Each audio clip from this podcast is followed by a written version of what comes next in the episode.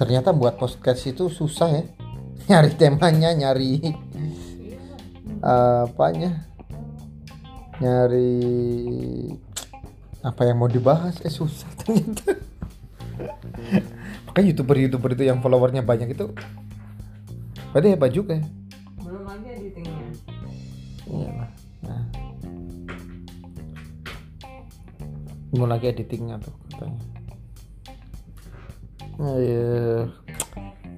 saya mau bahas tentang salah satu film.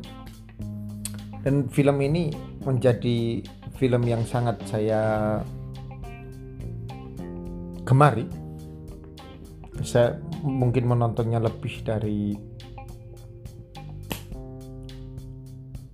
uh, puluhan kali puluhan kali bahkan istri saya pun saya sering paksa untuk lihat ya. Kamu udah ngeliat berapa kali Soseng Redemption hmm, tiga kali. Tiga kali. Ya tiga kali. Dia kan orangnya kalau nonton film yang gampang-gampang gitu ya. Yang apa sih ya? Yang pokoknya film-film yang kalau saya ngeliat setengah jam saya udah jenuh deh gitu. Kayak nggak bisa dia nonton Shawshank Redemption dia. Baru tiga kali padahal aku udah nonton puluhan kali coba kamu film paling suka apa coba tak tanya Titanic lah Wah, aku bahkan belum pernah ngerti kamu lihat Titanic. Titanic emang ceritanya apa? Titanic. Wow, kamu pengen mencitrakan kepada pendengarku kamu ini gitu. Kamu romantis gitu. Iya. Padahal habis menghancurkan rambutku. Bukannya terima kasih Bukannya terima kasih rambutku hancur nih. Aku aja ketemu orang-orang nanti malu ini besok aku aja kalau besok ketemu orang pakai topi. Lembek Jadi saya lanjut ya ke itu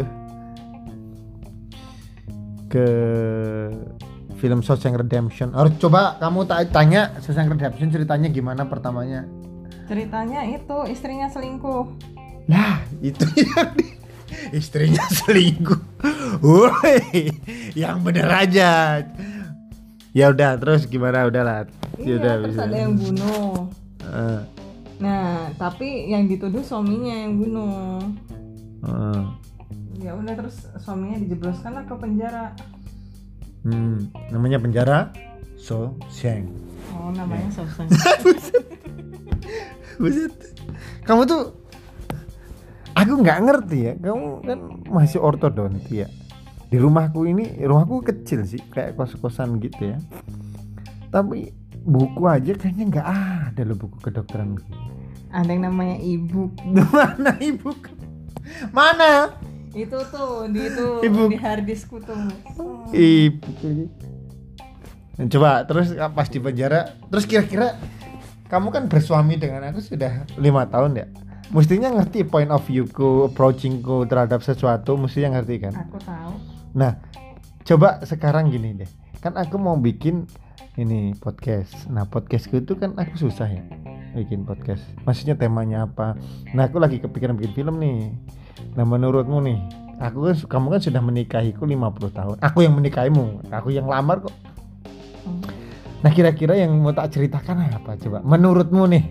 Nih, aku mau tanya. Yang di Dufresne-nya Andy Dufresne. Iya, iya gimana? Oh, oke, semua orang ngerti, pendengarku juga ngerti. Aku mau cerita tentang Shawshank Redemption. Ya pasti ada aktornya Andy Dufresne, Red gitu ya pasti.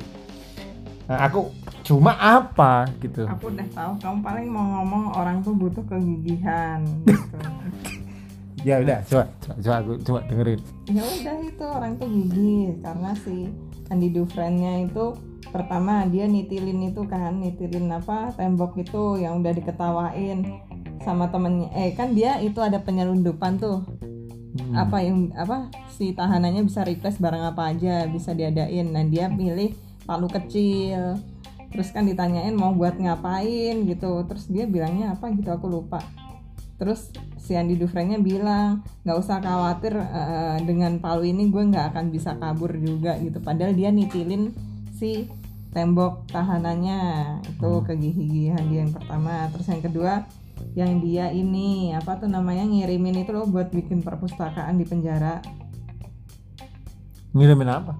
ngirimin surat Surat kepada siapa? aku lupa ke siapanya Mhm. yang biar dia diadakan buku bacaan buat para tahanan Mhm. Nah, di salah satu buku bacaannya itu adalah istilahnya tentang apa kabur dari penjara gitulah. Mhm.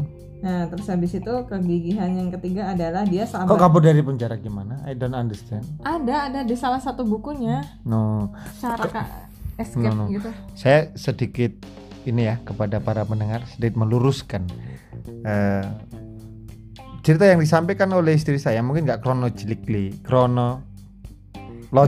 Katanya itu. chronologically, tapi ada benarnya. Jadi waktu itu eh, Karena dia menceritakan kegigihan. ya oke coba lanjut dulu deh. Terus kegigihan yang ketiga adalah Cuma yang di masalah perpustakaan itu ada eh, ada yang nggak tepat yang kamu ceritakan. ya udah nanti dikoreksi. Ya oke. Eh, terus yang ketiga adalah kegigihannya dia bikin pembukuan buat si apa namanya kepala penjaranya Bukan kepala penjara, sip. Ya, Sipir. termasuk kepala penjara termasuk sipir ya. sipir. Dia gigih aja gitu. Ternyata itu adalah eh, apa? Kan dia juga pintar. Jadi selain dia membantuin pembukuan, dia itu ya gitulah intinya buat ngetrik dia pas dia udah di luar penjara buat sangunya dia gitu. Mhm. Udah itu sih kegigihan dia. Lumayan. Coba ya. Pendengar ya. Lumayan apa? Tunggu dulu. Lumayan kasih tahu ya. Aku tuh punya istri, kita itu memiliki sebuah perbedaan besar. Aku tuh suka filsafat, istriku tuh yang ditonton tuh kayak Shinchan gitu ya. kayak kalau film dia tuh suka kayak ini hangover gitu. Terus sukanya terus kayak apa lagi ya? Enggak, aku suka yang tembak-tembakan gitu. Ya tembak-tembak begitu, gitu yang yang kadang-kadang film-film yang ya udah pastilah dia ya, FBI terus nanti dia ya kayak Taken Taken satu dua tiga. Taken apa Taken sih bacanya tuh Taken. Taken gitu terus dia suka kemarin baru aja nonton film sama aku tak temenin. Yang padahal aku udah ngerti lah itu ceritanya. Itu filmnya si oh, ah si Scientology ini. Tom Cruise. Judulnya apa kemarin? Tom Cruise kemarin Ya, ah. yang kita lihat bersama yang gue bilang ini cara milih perempuan sama kayak aku loh. Si Tom Cruise itu pasti jadi yang salah satu yang dia jadiin yang jadi yang dia pemeran film yang di uh, The Greatest Showman. Uh, uh, Tom Cruise itu. Aduh yang aku cerita. Ya aku lupa filmnya tapi yang aku tonton yang kemarin kita. Iya itu ceritanya tentang yang apa? katanya itu yang kita apa menggunakan apa uh, cara-cara temenmu siapa? Deo. Apa? Yang gratisan kamu nggak mau bayar pakai pulsamu terus kamu mengajak nonton gratisan. Ya. Itu film itu Nah, yang ceritanya tentang apa? Astagfirullah. Coba ceritakan. Coba ceritakan. menganggap aku nggak ingat coba Ya, kamu oke, yang oke. apa yang apa Oke, oke. ceritanya? Jadi kemarin nonton film Tom Cruise. Ceritanya tentang nah film Tom Cruise ini bercerita tentang anggota eh, apa sih namanya ini? FBI gitulah ya anggota FBI Mhm. yang dia eh bukan anggota FBI dia itu marinir marinir oh tapi dia iya, itu iya, iya, iya. kayak mengundurkan diri karena Pensiun, waktu ya. itu bukan pensiun ya, ya. jadi waktu itu anak buahnya eh, mati karena kesalahan dia sehingga dia kayak merasa aduh gua gak bisa menjaga anak buah suka ini cuma karena dia itu terkenal orang hebat dia hor- dihormati banget Hmm. Eh, termasuk salah satu komandan marinir yang paling baru ini detasemen 101 detasemen 101 Virginia kalau nggak salah ya kan? Turner. Agent Turner. Ya agent Turner. Kok agent sih? Marinir mana agent? Marinir panggilnya apa? Mayor. Iya mayor mayor Turner. Turner eh lanjut ke Shawshank Redemption tadi. Coba yang diceritakan sama Christy itu oke lah. Bahwa dalam film Shawshank Redemption itu salah satu point of view-nya yang saya paling suka adalah tentang kegigihan. Itu is okay. Jadi ceritanya sebenarnya film ini tuh bercerita bagaimana Anda melihat sebuah hidup. gitu. Dia bicara tentang hope. Hope. Makanya dalam di semua kantor saya saya pasangin uh, quote-nya Andy Dufresne. Andy Dufresne itu punya quote yang paling saya cinta. Dia bilang hope is a good thing. Maybe the best of thing and good thing never dies. Boris Johnson. Oh ini tadi yang Boris Boris ini yang kamu Iya. sebut. Ya, kenapa ini aku lagi ngevlog eh apa nih? Nge ini. Podcast ngepodcast ini nanti kan nggak bisa di apa namanya itu? Nggak bisa dimonetis kita makan dari mana? Kamu gimana sih? Tadi gimana coba aku cerita aku sampai mana coba? Hope. Ah hope. Itu pokoknya itu. Nah film ini ceritanya ini saya spoiler sih tapi ya sudahlah gimana mau bahas apa karena nggak ngerti. Spoiler ya. Jadi ceritanya Andy Dufresne ini adalah bangkir hebat dari New York. Orang yang baik berpendidikan tinggi bangkir. Di tahun 70-an bangkir itu very nice job. Sampai sekarang orangnya rapi, pintar, cerdas, umurnya muda, jabatannya sudah sebagai kepala kantor. Nah, dia mengetahui istrinya itu berselingkuh waktu itu. Sehingga dia merencanakan pembunuhan kepada istrinya karena dia sebel sekali di depan rumahnya waktu itu di depan rumah selingkuhan eh, istrinya dia membawa revolver eh, kaliber 9 mm lagi dia mau siap-siap tembak itu tapi kemudian dia batalkan karena dia tahu bahwa itu perbuatan yang salah. Lalu dia buanglah pistolnya itu di pinggir jalan gitu. Nah pistol itu kemudian diambil sama pemabok seorang pemabok. Nah pemaboknya ini juga tukang nyolong juga gitu. Masuklah ke rumah si orang yang selingkuh itu tadi dibunuhlah itu laki-laki dan perempuan termasuk istrinya Andi Dufresne dan dibuanglah pistolnya itu ke kali gitu.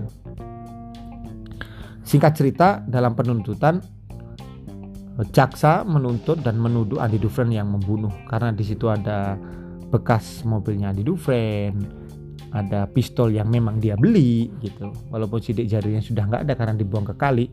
Lalu terkena apa gitu ya dan dianggap sebagai pembunuhan berencana Andi Dufresne kemudian dihukum seumur hidupnya hukum mati malahan kalau tidak salah. Nah akhirnya Andi Dufresne di penjara ke penjara untuk orang-orang yang uh, dihukum seumur hidup. Namanya Soseng. Dibawalah dia ke sana. Salah satu penjara paling mengerikan di zaman itu. Hmm, ya pertama dia disiksa di apa ya kan kayak kalau kita ospek di SMA ada kayak ospek dia disiksa senior seniornya di situ dia tidak mencari masalah pun dia tetap disiksa, digodain, ya kemudian dilecehkan dan sebagainya. Pada suatu titik kan Dufresne ini pada dasarnya orang pinter ya, dia orang yang ulet, gigih. Dia akhirnya mencetuskan beberapa ide gitu. Dan dia pinter eh, milih teman itu pinter, dia ber- harus bersosialisasi dengan siapa, dia harus berteman dengan siapa, maka dia berteman dengan orang-orang kunci di penjara itu. Maksudnya kunci adalah orang-orang yang memiliki uh, kuasa untuk melakukan sesuatu merekayasa sosial di tempat itu. Salah satunya adalah orang yang sudah di penjara 20 atau 30 tahun di situ namanya Red. Yang kemudian di cerita berikutnya mereka sangat bersahabat. Nah, Red ini adalah salah satu orang, salah satu ya, yang bisa menyelundupkan barang-barang dari luar. Hal pertama yang diminta oleh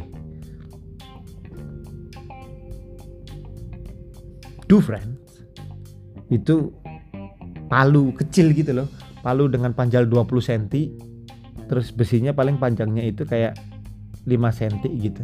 sama Alkitabnya dia minta gimana Alkitabnya kan minta dari itu yang guru kecil itu. Ya, Nah, bukan si Red gitu. nanya buat apa gitu. Ya Andi dulu jawab untuk melarikan diri. Kamu gila, ini penjara paling. no no dia dia nggak nggak nggak bilang melarikan diri dia bilang pas pertama dia. ehm, ya makanya ini penonton kan biar kalian ini debat saya dengan istri saya nanti dibuktikan aja makanya kalian nonton ya. Jadi dia bilang kalau nggak salah dia bilang makanya saya kemudian tambahin kalau nggak salah ya. Siapa yang melarikan diri? Terus kemudian Red ngomong eh, kamu orang yang aneh lah intinya begitu ya. Kamu orang yang aneh ya. Masa melarikan diri pakai palu sekecil ini? Kamu tahu penjara ini penjara paling ketat gitu.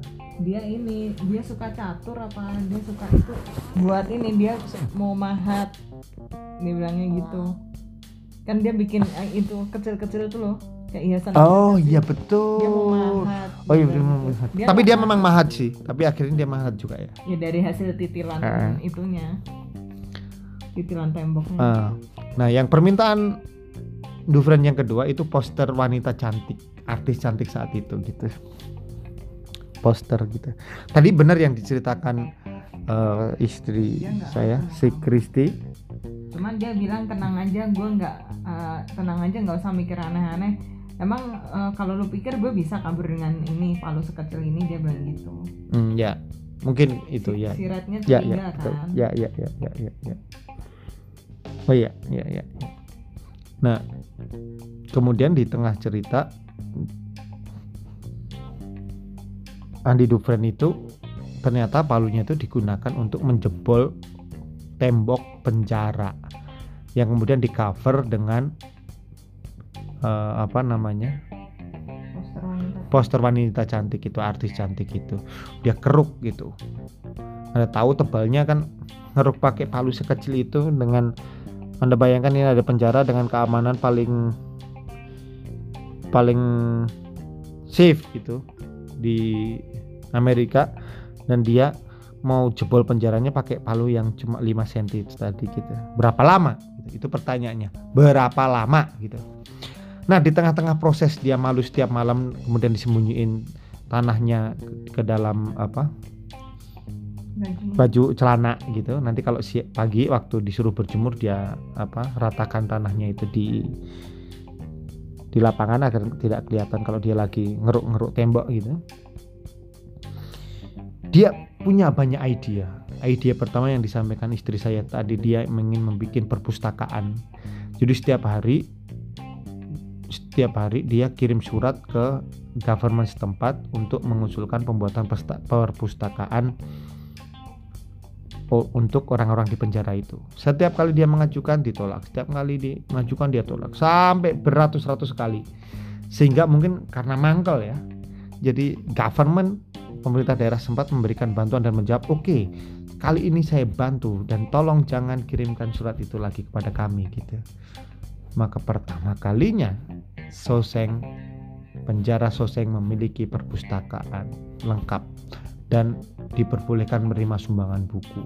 Jadi yang sebelumnya eh, bukunya itu cuma dikasihin satu-satu sama orang yang udah tua itu. Sekarang Soseng punya perpustakaan yang lengkap sampai ada audionya apa yang piringan hitam gitu-gitu karena sumbangannya. Dan kemudian malah kepala sipirnya mengklaim bahwa itu ide dia gitu. Tapi salah satu kegiahannya itu tadi mengirimkan surat dan itu lama bertahun-tahun dia kirim surat kirim surat terus kirim surat sampai mendapat jawaban bahwa oke saya bantu untuk mendirikan perpustakaan itu. Kegigihan dia yang kedua salah satunya adalah ketika ada satu anak muda di penjara. Di situ juga. Belum lolos SMA dia kayak mau ikut kejar paket C gitu loh. Nah belum bisa baca juga gitu.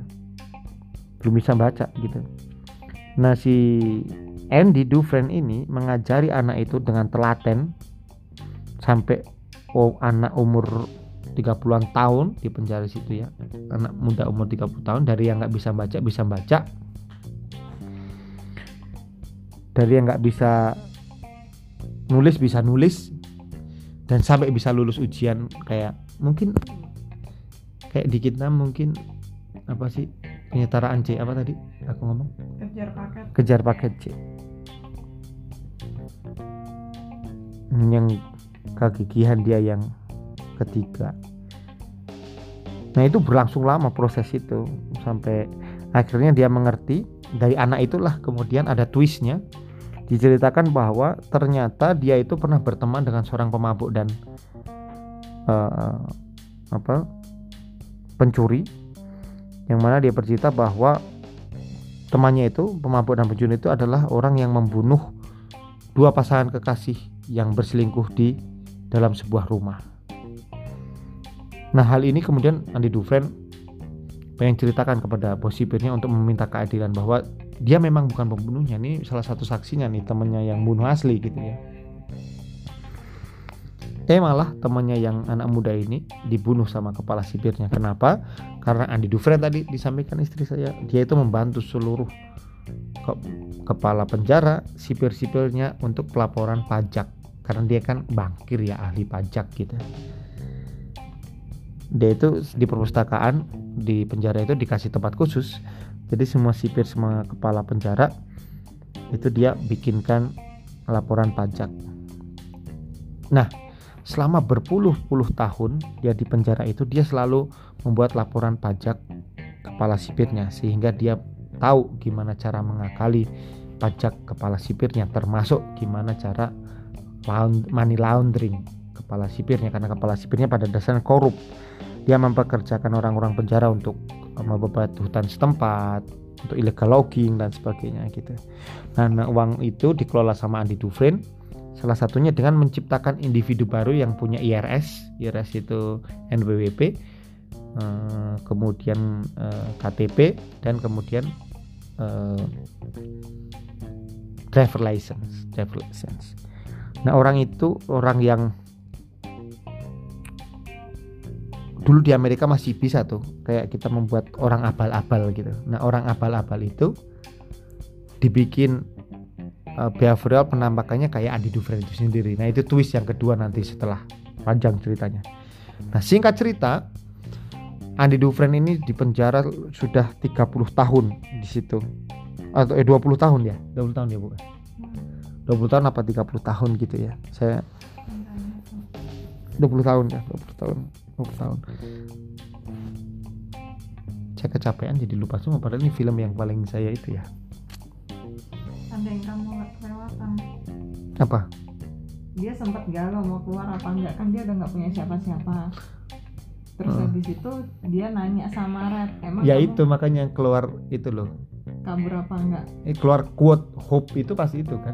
Dia kan lagi Soalnya- bersender gini kan lagi bersender terus dia bilang kan Red kan bilang kan si Andy Dufresne bilang gini hope is a good thing maybe the best of thing and good thing never dies gitu kan?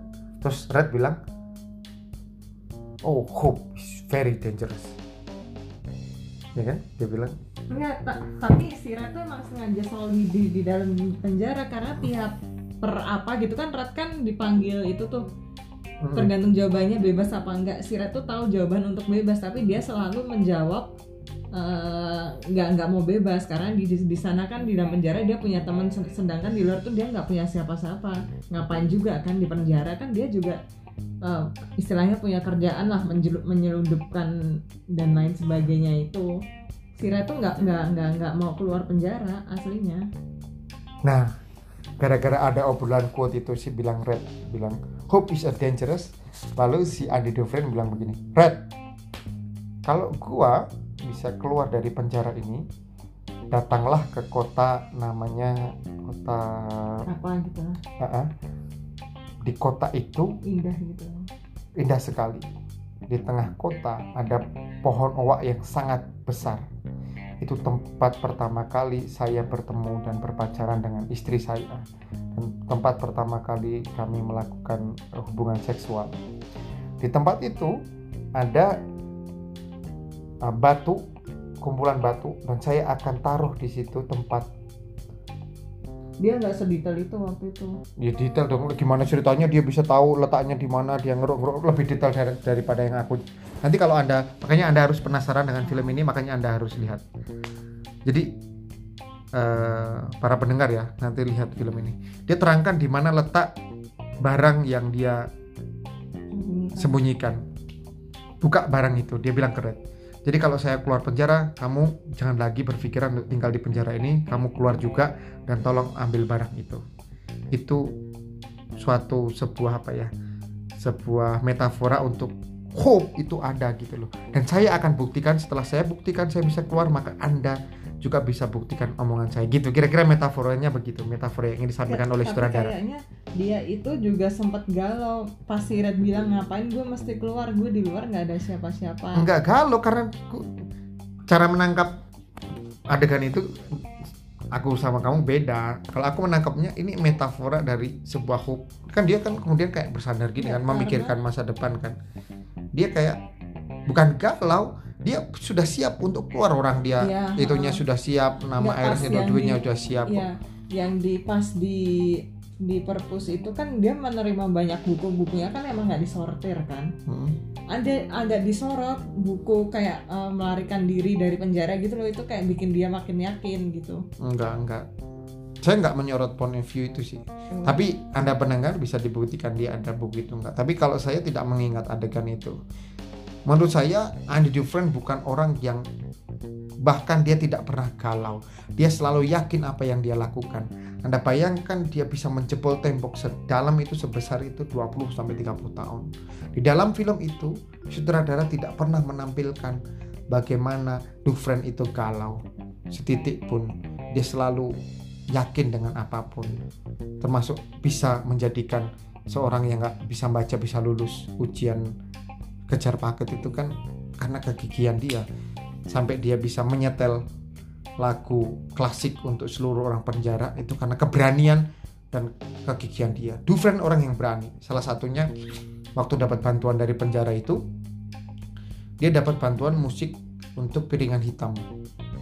Dia setel dia bawa ke ruangan sipir dia setel jadi seluruh apa peserta penjara. Seluruh apa ya istilahnya kalau peserta penjara Eh, seluruh orang yang di penjara itu bisa kali pertama dari berpuluh-puluh tahun dari semua orang itu mendengarkan musik di dalam penjara itu pertama kali karena kemadi eh, karena keberanian keberanian Andy Dufresne untuk memutar musik itu. Yang pada akhirnya dia masukkan ke ruang detensi yang ukurannya cuma 1,1 selama sebulan tanpa cahaya dan makanan yang baik. Dia kena detensi waktu itu. Nah film ini tuh menggambarkan satu metafora yang baik tentang bagaimana kalau orang gigih bekerja keras pasti menghasilkan sesuatu.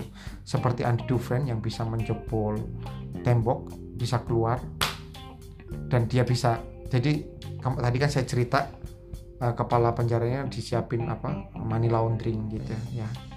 Jadi ternyata selama bertahun-tahun dia mempersiapkan dirinya untuk pensiun dia. Jadi semua uang itu itu masuk atas nama orang yang dia ciptakan sendiri dari dalam penjara yang kemudian diakui bahwa itu dia gitu. Jadi ketika dia keluar dari penjara dia pergi ke suatu kota membawa dokumen yang dia bawa saat keluar dari penjara itu yang dia curi dari ruangan kepala sipir yang dokumennya itu 100% menunjuk dia sendiri. Karena dibikin behavioralnya kayak dia gitu. Yang bukan Andy Dufresne sebelumnya tapi orang lain dengan identitas lain gitu nah akhirnya Andy Dufresne dengan uang-uang sebanyak itu dia pergi ke kepulauan Bahama ya yang di dekat Meksiko tuh kepulauan apa ya? Bahama kalau nggak salah. Dan Red sahabatnya karena tahu dia berhasil kabur. berhasil kabur Red juga memutuskan ketika dipanggil sama entitas setempat untuk mendapat pengampunan akhirnya dia menjawab yang benar dan dia akhirnya mendapat pengampunan setelah berpuluh-puluh tahun di penjara akhirnya dia keluar dari penjara. Dan Red pengen membuktikan hope-nya si Andy Dufresne gitu. Ya dia datang ke kota yang diceritakan sama Andy Dufresne. Dia buktikan di batu yang terselip di bawah pohon oak itu dan benar di situ ada sejumlah uang dan surat dari Dufresne. Red datanglah ke Bahama aku menunggumu di sana gunakan uang ini untuk kamu datang ke sana jadi sudah disiapkan uang dan surat itu dan di ending cerita Red menemui Dufresne di sebuah pulau yang mana di pulau itu Dufresne punya bisnis resort dan sedang memperbaiki kapal, menikmati pensiunnya dengan nyaman dan baik. Nah, itu pesan dari film apa judulnya? Shawshank Redemption menceritakan tentang tiga hal. Keberanian kegigihan dan komitmen. Dufresne itu citra dari itu. Dan itu tiga hal yang manusia sulit untuk melakukannya tapi saya pribadi mengajak Anda para pendengar untuk bermimpi setinggi langit. Karena mimpi atau seperti kata hope kata Dufresne dia bilang hope adalah hal yang baik. Dan hal mungkin hal yang paling baik. Mimpi hope itu mimpi kan ya. Hope itu harapan. Harapan. Mimpi itu hal yang baik.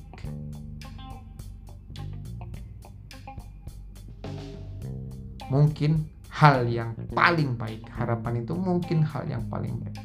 Dan tidak ada kebaikan yang mati dia bilang coba perhatikan aja. Kalau kita berharap kita bermimpi kita kerjakan dengan gigih dan penuh komitmen menurut saya dan berkali-kali saya praktekkan itu bisa tercapai menurut saya begitu nah silahkan dari perdebatan dengan istri saya mungkin membuat Anda penasaran walaupun cerita ini sebenarnya spoiler ya. Tapi ada uh, omongan istri saya tadi membuat Anda kan pengen membuktikan siapa nih yang benar, apakah si Steven atau si Christy gitu. Maka lihatlah film itu. Keren kok filmnya. Lebih keren dari film-film semacam Lalalaland gitu-gitu. Lebih keren. Kalau kamu suka film apa? Yang dador-dador gitu lebih keren ini. Ini filmnya saya suka film yang paling saya suka ada nomor satu itu The Godfather nomor dua Shawshank Redemption ini The Godfather yang mana sih? Ya apalah gitu ya udah nikah berapa tahun juga belum Godfather yang film tiga zaman itu loh ceritanya tentang apa yang mafia Italia mafia Sisilia oh itu si Aduh. Don Corleone Aduh, aduh pusing dah, pusing. Aduh. Ya, selam, selama terima kasih para pendengar ya. Daripada Anda mendengarkan obrolan dengan istri yang kayak gini-gini terus nggak meningkat-meningkat ya. Selamat menonton Shawshank Redemption untuk mengisi work from home Anda. Dadah.